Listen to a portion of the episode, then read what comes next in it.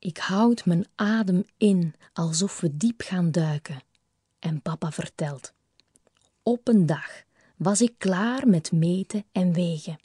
Mijn schrift was vol, mijn knekkenbreud op. Ik zat klaar aan het roer om de lange reis terug naar huis aan te vatten, van de stille Zuidzee helemaal naar het hoge noorden.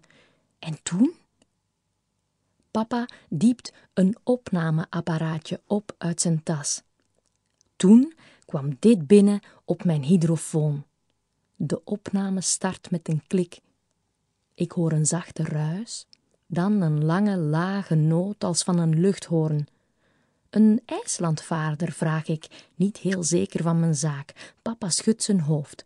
Zijn wijsvinger raakt zijn lippen. Shh. Ik luister nog aandachtiger nu, met mijn ogen dicht. Ik hoor iets, of iemand, zingen. Een langgerekt, diepdroevig lied. Ik kijk papa vragend aan.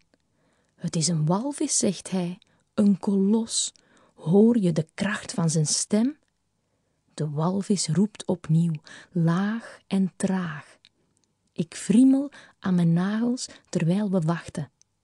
Eindeloos veel water borrelt en ruist, maar een antwoord komt er niet.